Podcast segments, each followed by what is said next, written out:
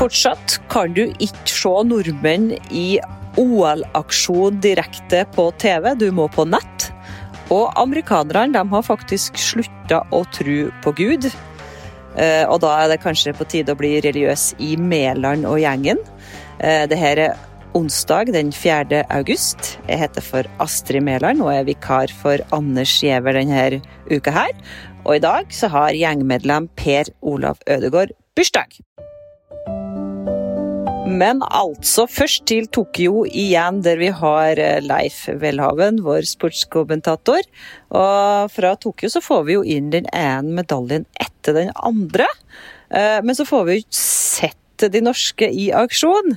Tidligere har vi hørt at eh, en av de norske håndballkampene bare gikk på nett-TV, altså ikke på TV Norge, men på Discovery Pluss. Og nå er det altså sandvolleyball du må skaffe deg et abonnement for å se. Eh, er det rart folk blir sur? Eh, hvordan er det det her tas imot i Tokyo og den norske delegasjonen, eh, Leif? Nei, altså for uh, Mol og Sørum, altså de norske sandvolleyspillerne, så er dette altså, øyeblikket hvor de virkelig skal skinne. Sandvolleyball er ikke noen idrett uh, hvor oppmerksomheten er så veldig stor i hverdagen. Nå skal de kjempe om medaljer, og nyheten har altså kommet om at sandvolleyball er plukket ut av rettighetshaver Discovery som altså, en øvelse hvor de hele veien har valgt å kun vise dette for abonnenter eh, på strømmetjenesten, og ikke på de vanlige TV-kanalene. Og jeg stilte spørsmål til dem om dette etter kvartfinalen eh, i, i dag morges eh, lokal tid. og det var ganske sterke ord som kom i retur. Ordet 'litt katastrofe' var vel det som ble valgt av Mol. og det er til å forstå dette er deres øyeblikk, og de vil jo gjerne at flest mulig skulle få det med seg. Litt katastrofe, ja. Det, det, det kan, kanskje, ikke sies. Men eh, det er jo forståelig at eh, de som har brukt eh, rettighetshaverne her, da, som har brukt siliarder på å kjøpe dyre, dyre OL-rettigheter, de har jo behov for å få inntjening og penger tilbake. Og det de ønsker, er vel rett og slett å få folk over på denne abonnementstjenesten Discovery pluss, er ikke det? Jo, absolutt. Og denne problemstillingen er vanskelig, og TV-vaner er i endring. og Noen år fra nå så hadde kanskje ingen hevet noen øyenbryn eh, i det hele tatt. Det som vel er problemet her, er at det er kommunikasjonen rundt dette og, og tidspunktet. At hadde dette vært varslet god tid i, i forkant, så hadde det kanskje vært noe annet. Men nå er det liksom at man endrer spillereglene midt i de olympiske leker. Dette ble kunngjort også tidligere denne uken. Eh, og særlig altså f.eks. For, for eh, mange eldre som ikke er like digitaliserte som eh, den yngre garde, så oppleves dette som tungt og fremmed, og reaksjonene er ganske kraftige. Det er også en del personer som av rent sånn praktiske grunner nå i sommer vil ha vanskeligere for å få sett OL. Og Det blir sånn rart å få, altså få dette i trynet så akkurat mens dette pågår. Så kan man skjønne at Discovery selvfølgelig eh, ønsker å få bygg lojalitet, få kunder, eh, få noe igjen. Men jeg tror nok at de også, med tanke på eget omdømme, altså med fordel eh, altså hadde gjort dette med, altså med, helt andre tidsfrister, kanskje ledsaget av eventuelle reklamekampanjer, informasjonskampanjer, altså sånne type ting, som gjorde at folk kunne fått mer grad av altså forutsigbarhet i å kunne altså, forholde seg til OL. Det er gratis for nye kunder uh, å se det. Det er mulig å registrere seg osv. Men jeg tror nok kanskje at Discovery altså har undervurdert litt altså hvor fremmed dette er for en, en annen del av den norske befolkningen som ikke har noe som helst forhold til hva strømming er for noe. Nå er det jo mange av oss som er på besøk i eh, hos opphavet i, i, sommerferien, og da er det jo vanlig at vi blir IT-konsulenter hele gjengen. Det er ikke bare det å hjelpe eh, de som sliter med å komme seg på, på strømmetjenester med å logge seg på. Det er jo som du sier gratis, så er det egentlig noe stort problem. Det er jo, det er jo bare det å få logga seg på. Ja, for noen så er det sikkert eh, enkelt å, å få hjelp. Og Så har folk litt forskjellig familiesituasjon. Andre har enklere tilgang på familiemedlemmer enn andre. Noen er, eh, har kanskje ikke noen som er altså, nære nok som kan tilby uh, dette. Det er vanskelig å vite hvor stort uh, omfanget er. Men altså Ut fra reaksjonene så tyder det på at, det er, at for en del mennesker så er dette alvorlig. Det er alvorlig, det er vi jo selvfølgelig helt enig i. OL er alvor. Men, men altså, har TV Norge og Discovery hørt på kritikken? Altså, det har jo vært en litt lengre diskusjon tidligere i, i OL om håndball. Altså, det som er litt vanskelig å vite, er at dette er et stort konsern. og Det er vanskelig å vite hva som er bestemt her eller hva som er bestemt internasjonalt. og Hvordan linjen har vært her, det vet vi, altså, det vet vi lite om. Altså, for det jeg har hatt på fått så tyder det heller på at de altså, utvider enn at de innskrenker den. Ja. men det må også, understrekes at det meste sendes åpent til OL. Det er ikke sånn at hele OL nå går på, går på strømmetjenester. Men man velger jo da så ser det som nå er det altså, det skal kjempes om medaljer i, i samholderball. Og det er jo da noe som er altså, en veldig ettertraktet uh, TV-vare. Som uh, jo nå da, altså, tas vekk fra de og tradisjonelle TV-kanalene. og Det er altså et, eh, et stort skifte da, sammenlignet med hva vi har vært vant til. Tror du at, eh, at, eh, de kommer til å forandre seg hvis det forandrer strategi hvis det er snakk om at vi faktisk kan få en medalje i sandvolleyball, og så skal ikke de sende det? Ja, så maler seg litt inn i et hjørne. Det blir litt, litt vanskelig uansett hva de velger å, å gjøre. Det er vel, altså, så det jeg har fått sånn langt, så er det ingenting som tyder på at de kommer til å forandre mening. Så, så får vi se, da. Kanskje det er oppsving for radio det her blir. Jeg har hørt flere i den eldre garde ha hørt eh, håndballkamp på radio, i hvert fall i sommer, siden det ikke gikk på vanlig TV. Nå over til noe helt eh, annet. Vi skal til USA. Eh, og I Oslo så sitter Kristine Hovda i studio sammen med produsent Magne Antonsen. Og du Kristine, du har skrevet en sak som var på trykk i VG i går, om at amerikanere har slutta å tro på Gud. I hvert fall er det for første gang i USAs historie mer vanlig å ikke gå i kirka enn å gå i kirka. Uh, og det her mener du er alvorlig. Hvorfor det? Jeg skal si alvorlig alvorlig. Det er mye som er alvorlig. Det at sandvolli Sandvold ikke blir sendt på vanlig TV, er jo alvorlig.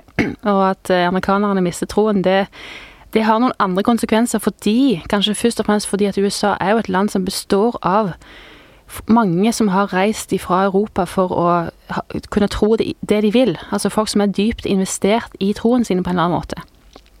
Så USA er på mange måter et land som er bygd på eh, sterke overbevisninger hos folk. Og når den grunnforestillingen begynner å, å, å, falme, så er jo på en måte det opptakten til en identitetskrise, vil jeg påstå. Eller påstår jeg i den kommentaren som jeg skrev i går, da. Er det det at fellesskapet fellesskapene forvitrer, sånn som vi har hørt om i andre sammenhenger tidligere, som du skriver også om uh, boka 'Bowling Alone', at folk går og bowler alene i større grad?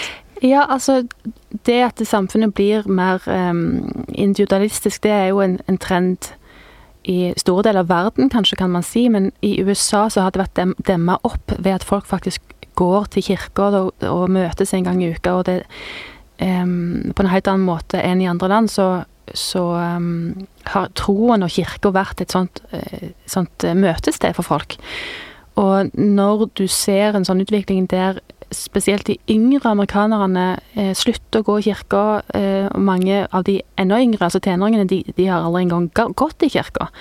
Um, så fører jo det til en, en generasjonskonflikt, i hvert fall et generasjonsskille.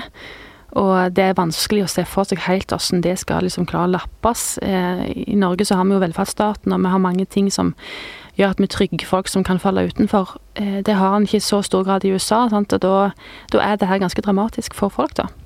Per Olav Ødegaard, du er på Lillehammer for tida, men du har bodd i USA i flere år og jobba for VG. Hvorfor tror du at eh, amerikanerne har slutta å gå i kirka i så stor grad? Det foregår nok en eh, sekularisering av samfunnet der, sånn som vi har sett i Europa også. Men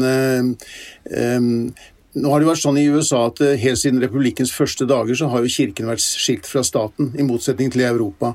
Eh, men, derimot, men kirkene har jo vært veldig viktige, eller religiøse samfunn. Alle har vært viktige for eh, svært mange amerikanere, selv om det ikke det er noen statsreligion. Og det er at det nå er er jo alltid forsket så mye på disse forskjellige velgergruppene og sånt, og det så jo det nå før det siste valget også, at, eh, at den eh, gruppen av ikke-troende var den raskest voksende velgergruppen. Eh, samtidig så vet vi at eh, det er mye å si for politiske valg også, fordi 80% av de hvite evangelikale kristne, de som kaller seg det, de stemmer, stemmer på Donald Trump. Uh, og uh, katolikkene, som da Joe Biden tilhører, der er det sånn 50-50 mellom republikanere og demokrater. Uh, og, men for en del politikere, eller fortsatt, så mener jeg at religion er veldig viktig også i den amerikanske politikken, ettersom jeg tror ni av ti representanter i Kongressen kaller seg kristne. Og eh, folk sier i meningsmålinger at eh, halvparten sier en meningsmåling at de anser det som svært viktig at deres president har en sterk religiøs tro. Så, så troen er der, og det betyr noe i politikken. Fortsatt. Kristine, du skriver jo også det at det er ikke at folk nødvendigvis har sluttet å tro, men at de kanskje er åndelige på andre plattformer, kanskje de er på internett og møtes der. Og da har du vel fortsatt et eh, fellesskap i truen? Ja, Spørsmålet er jo hva det betyr for politikken. Eh, fordi at eh, det er når folk slutter å gå i organisert eh, religiøs eh, aktivitet, så, så, foregår det jo et slags maktskifte. Eh, religiøse ledere mister på en måte kontrollen. Og det fører jo til på den ene side at folk eh, kanskje føler seg friere før det, enn før, men det fører jo også til muligheter for sekterisme, for konspirasjonsteorier, for at folk måtte ta troen i egne hender. og det det er jo på en måte eh, si, det gode og dårlige ting med det, da, sett ut ifra et, samfunnsperspektiv.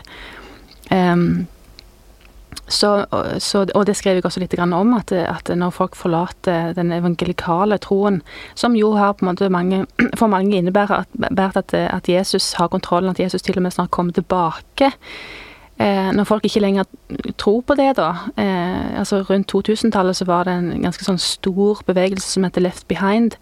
Eh, noen filmer som kom på, eh, på kinoene som, som, diskuterte da, hvem blir igjen, og hvem får bli med når, når Jesus rykker folk opp i himmelen. liksom den siste, siste store slaget. Sant? Disse forestillingene her har jo vært dramatiske for mange, og det har ført til at mange har levd i mye angst. Eh, så det er jo mye bra, tenker jeg, da, med at det her er ting som folk tar et oppgjør med. Men, men i det vakuumet, da, når du på en måte ikke tror på det lenger, så har jo mange et behov for å tro på noe annet. En redning, en person som kan hjelpe dem. Og da har jo Donald Trump vært en sånn figur for en del folk. da, og det ser en jo at det lever jo fortsatt i beste velgående. Det er mange som går og venter på at Donald Trump skal komme tilbake, om ikke fra himmelen, så i hvert fall fra golfbanen. Så det er, ingen, det er ingen tvil om at eh, mange religiøse på en måte fyrer og venter og ber om at Donald Trump skal komme tilbake, da. Og det, det er jo ikke Hva tenker du, Per Olav? Er det Nei, jeg synes Det er jo et stort paradoks da, på mange måter, fordi at Donald Trump er jo ingen uh, kirkegjenger. Han er jo ikke noen, han sier riktignok at uh, Bibelen er hans favorittbok etter den boken han selv eller, ja, Den kommer faktisk foran den boken han selv skrev, men det er også de to bøkene han har trukket fram når han har blitt spurt om sine favorittbøker. Men han har ikke vært i stand til å sitere en eneste Eh, et eneste vers fra Bibelen så når han ble spurt om det. For han har liksom ikke noe favorittsitat. Alt er like bra.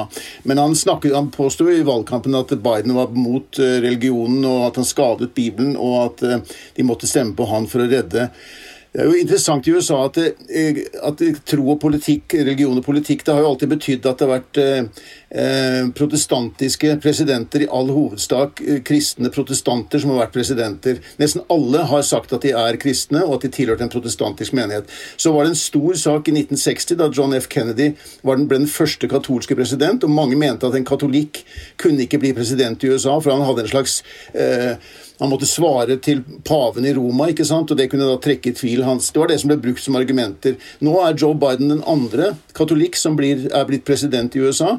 Han er, i motsetning til Trump, en fast Han går i kirken praktisk talt hver søndag. Eh, men eh, han er omstridt også i den katolske kirke, for der er det jo mange biskoper som vil, ikke vil gi ham eh, Som mener at han er av de som ikke bør få nattverd fordi han er tilhenger av selvbestemt abort. Og det er viktig for den katolske kirke. Så dette er men, men, det var ikke noe sak ikke noe sak da Biden ble valgt i, i fjor. altså Dette med religionen var ikke, var, ikke, var ikke, noe viktig sak den gangen. Så det har jo skjedd noe der, da. Men det er fortsatt ingen uh, noen annen trosretning enn uh, protestant og katolikk som har blitt valgt som president i USA. Jeg anbefaler alle å lese Kristine sitt sak, som ligger på vg.no. Vi takker Leif Welhaven i Tokyo, Per Olav Ødegård på Hafjell og Kristine Hovda i Oslo. Og så skal jeg bare kjapt nevne to nyheter fra det politiske Norge. Vi snakka i går om at regjeringspartiene skulle ha en stor pressekonferanse i dag. Eh, KrF, Høyre og Venstre samla sammen pressen for å fortelle om sine ti nye felles punkter for å få fart på Norge. Oppsummert så kan vi si at Venstre snakka om miljø, KrF om barn og Høyre om at alle må jobbe. Så det var altså ingenting nytt der å rapportere om. Ellers så fortsetter Senterpartiet å krangle på seg posisjon etter oppslaget i dag i VG om at partiet vil bruke pengene til byene for å ruste opp veier i distriktet. Ehm, Venstre kaller partiet for byfiendtlig, så der har vi en liten konflikt på gang. Og Her i Mæland og gjengen så er vi ferdig for i dag. Vi representerer som dere hører både by og land, fra Nordmøre til Tokyo. Og vi trenger ingen gud, for vi har produsent Magne Antonsen, som også i dag holdt i spakene. Takk for i dag, og vi høres i morgen.